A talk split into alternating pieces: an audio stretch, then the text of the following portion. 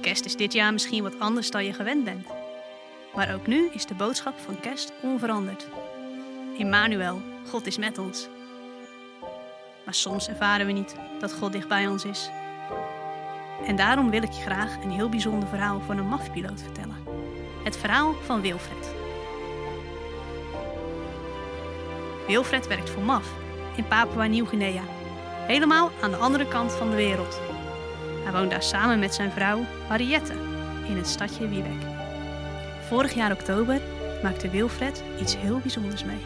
Dat hij zijn leven lang niet meer zal vergeten. Het is in de ochtend. Ik ben zoals gewoonlijk vanochtend aan het eh, rommelen in de hangar. Allerlei klusjes liggen hier te wachten. En vandaag is de brandslang aan de beurt. Als plotseling onze telefoon gaat.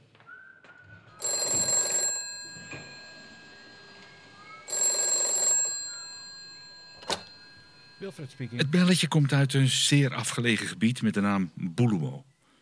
Nou, die plek is zo afgelegen dat er nauwelijks een telefoonverbinding mogelijk is.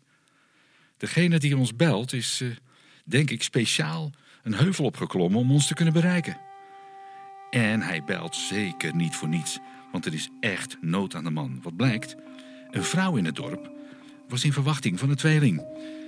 Ja, gisteren is ze bevallen van haar eerste kind. Maar nu horen we dat de tweede baby nog vast zit in haar buik, omdat hij verkeerd om in die buik van de moeder zit.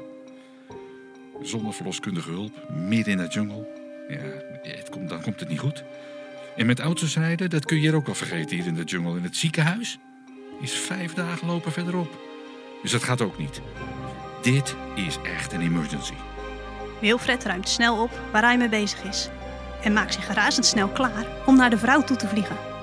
Hij holt met zijn collega Joel naar het vliegtuig toe. Maar dan blijft hij plotseling staan. Oh nee, we hebben een enorm probleem. We kunnen helemaal niet naar Boeloal toe. Want die, die baan daar, dat, gras is veel te hoog. Een maand geleden ontdekten we dat al en het, het, het gras kwam tot je knieën. Nou, daar gaan wij dus niet in landen. Dat kan niet, dat is, on- dat is gewoon gevaarlijk. Je ziet niet waar je terechtkomt. Want je kunt zomaar eh, een steen raken of op een stuk hout terechtkomen... of tegen een dier aanvliegen wat daar rondscharrelt in dat hoge gras. We kunnen niet naar Boeloal toe.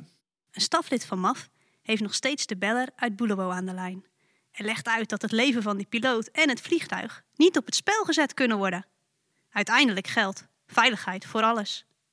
Het gras moet gemaaid worden, anders geen medische evacuatie. Oké, komt voor elkaar, is het antwoord vanuit Boelewo. Wij zorgen dat de landingsbaan vandaag nog te gebruiken is. Maar Wilfred is nog niet overtuigd. Nou, sterker nog, ik geloof er helemaal niets van. Denken ze echt dat ze dat voor elkaar kunnen krijgen? Normaal is het maaien van een landingsbaan wel een week werk hier, want dat, dat gebeurt niet met moderne maaimachines, maar met kapmessen. En, en nou denken ze dat ze dat in één dag kunnen doen? Vergeet het maar. Wilfred gaat weer naar binnen en duikt alvast in de planning om te kijken of ze misschien later die week naar Buluwo kunnen vliegen. Vervolgens zorgt hij ervoor dat het toestel klaar is voor vertrek, zodat ze daar in ieder geval geen tijd aan verliezen. Maar dan, om twee uur 's middags, gaat opnieuw de telefoon. Wilfred speaking.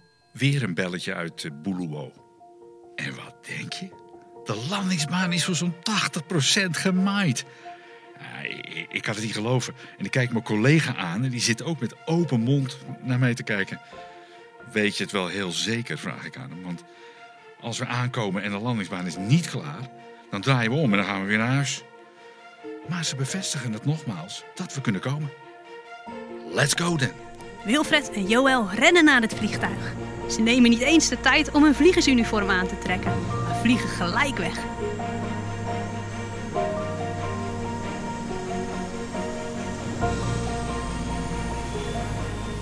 We vertrekken, stijgen op tot een kruishoogte van zo'n drie kilometer. Weewek Tower, Papa 2, Mike Alpha Golf, departure 04, climbing to 10,000 feet direct to Boom.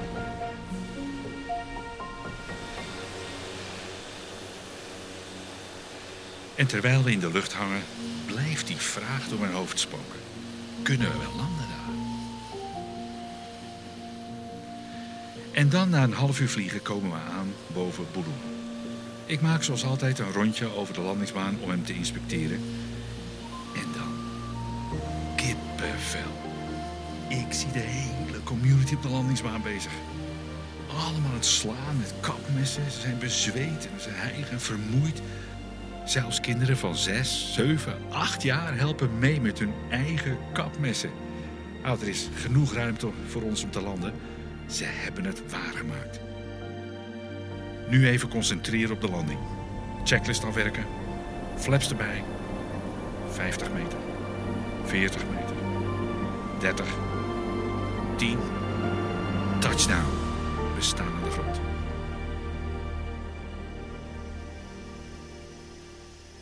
Eenmaal geland kijkt Wilfred om zich heen. Iedereen is opgelucht dat het vliegtuig geland is. Als ze stilstaan, verzamelen de mensen zich om het vliegtuig heen. Ik maak me klaar om de brancard uit het toestel te halen. Maar dat blijkt helemaal niet nodig. Want die vrouw komt aanlopen. Samen met haar man en het pasgeboren babytje. Wat zijn die vrouwen in Papua Nieuw-Guinea ongelooflijk sterk. Terwijl Joel en ik de familie Woelian in het toestel helpen, heb ik toch een knoop in mijn maag. Dat tweede kindje, dat zal het wel niet redden. Die zit al ruim een dag vast in de buik van zijn moeder. Ik vrees het ergste. Ze vertrekken naar het dichtstbijzijnde ziekenhuis in Taji. Ze kunnen niet zo hoog vliegen als ze gewend zijn, omdat er een pasgeboren baby aan boord is. Dus vliegt Wilfred tussen de bergtoppen door. Twintig minuten later staat hij veilig aan de grond in Taji. Daar kan hij familie Wulian in veilige handen achterlaten. Dan vliegt hij weer terug naar huis, naar Wiewek.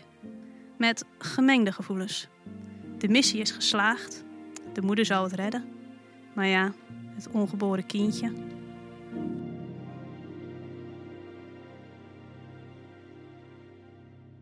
Het is een paar weken later als er op het kantoor in Wiewek een nieuwe aanvraag voor een vlucht binnenkomt. Mensen ophalen uit Taji die naar Boelewal moeten. Zou het diezelfde familie Woelian zijn? Wilfred vliegt naar Taji. Als hij geland is, verzamelt een groepje mensen zich om het vliegtuig. Nieuwsgierig kijken ze naar het indrukwekkende toestel. Wilfred zoekt tussen de mensen naar de passagiers die hij moet inchecken. Volgens zijn administratie twee volwassenen en één baby. En dan zie ik ze plotseling staan. Niet twee volwassenen met één baby, maar met twee baby's. Ik kan mijn ogen niet geloven. Het zijn echt dezelfde mensen als een paar weken geleden. En het ongeboren kindje is dus gewoon ter wereld gekomen. De mensen om me heen moeten lachen om mijn verbazing. Ik kan alleen maar stamelen. Ik ben zo blij voor jullie. Ik ben zo blij voor jullie. Nog vol ongeloof helpt Wilfred het gezin in het vliegtuig en maakt hij de stoelriemen vast.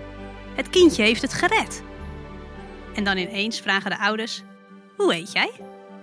Eh, mijn naam is Wilfred. De ouders beginnen te stralen en wijzen naar hun pasgeboren kindje. Dit is nu het jongetje dat niet geboren kon worden. Hij heet Jason. Maar we willen hem jouw naam als tweede naam geven. Ik ben verrast. Jason Wilfred, wat bijzonder. Wat een ongelooflijk verhaal. Zoals altijd bidden we met de passagiers. En dit keer kunnen we toevoegen hoe blij we zijn voor deze jonge ouders. Alle dank aan de Heere God. Met een brok in zijn keel vliegt hij terug. En hoe anders is de terugvlucht? Geen noodsituatie, maar een blijde terugkeer. In Boelewo is inmiddels de hele strip gemaaid. Het vliegtuig kan prima landen. Het jonge gezin stapt uit en meteen klinkt het geluid van grote vreugde. De mensen uit Boelewo en de ouders van de pasgeboren baby's vliegen elkaar in de armen. Wat zijn ze blij en wat is het een feest in het dorp. Hun dankbaarheid is groot. Wilfred moet snel weer door en dus neemt hij afscheid van de ouders. Het oudste kindje en van Jason. Jason Wilfred. Hij aait hem zachtjes over zijn wangen en stapt dan in. Ik heb nog een volle dag met vluchten op de planning. Maar ik vlieg de rest van de dag met een glimlach van oor tot oor.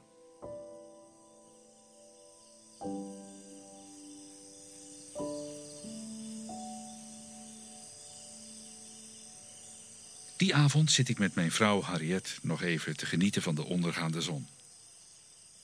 Wat ben je stil, zegt ze. Ik glimlach en begin te vertellen over de vlucht van enkele weken geleden. Over de strip die nog gemaakt moest worden. En over dat ik niet kon geloven dat het jongste kindje het zou redden.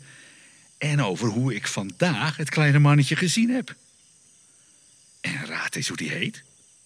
Jason Wilfred. Harriette kan het bijna niet geloven. Ze straalt helemaal en ze zegt: Dat zo vlak voor kerst. Wat een voorrecht om dit te mogen doen. Het is inderdaad een voorrecht om te laten zien dat waar je ook bent en waar je ook woont, Gods liefde altijd bij je is. Daar vlieg ik voor. God kan soms misschien wat ver weg lijken. Maar we mogen weten dat Hij altijd dichtbij is. En daar staan we elk jaar bij stil met kerst. Want een kind is ons geboren, een zoon is ons gegeven. Immanuel is zijn naam, God met ons. Namens MAF wens ik jullie een gezegend kerstfeest en een heel mooi 2021.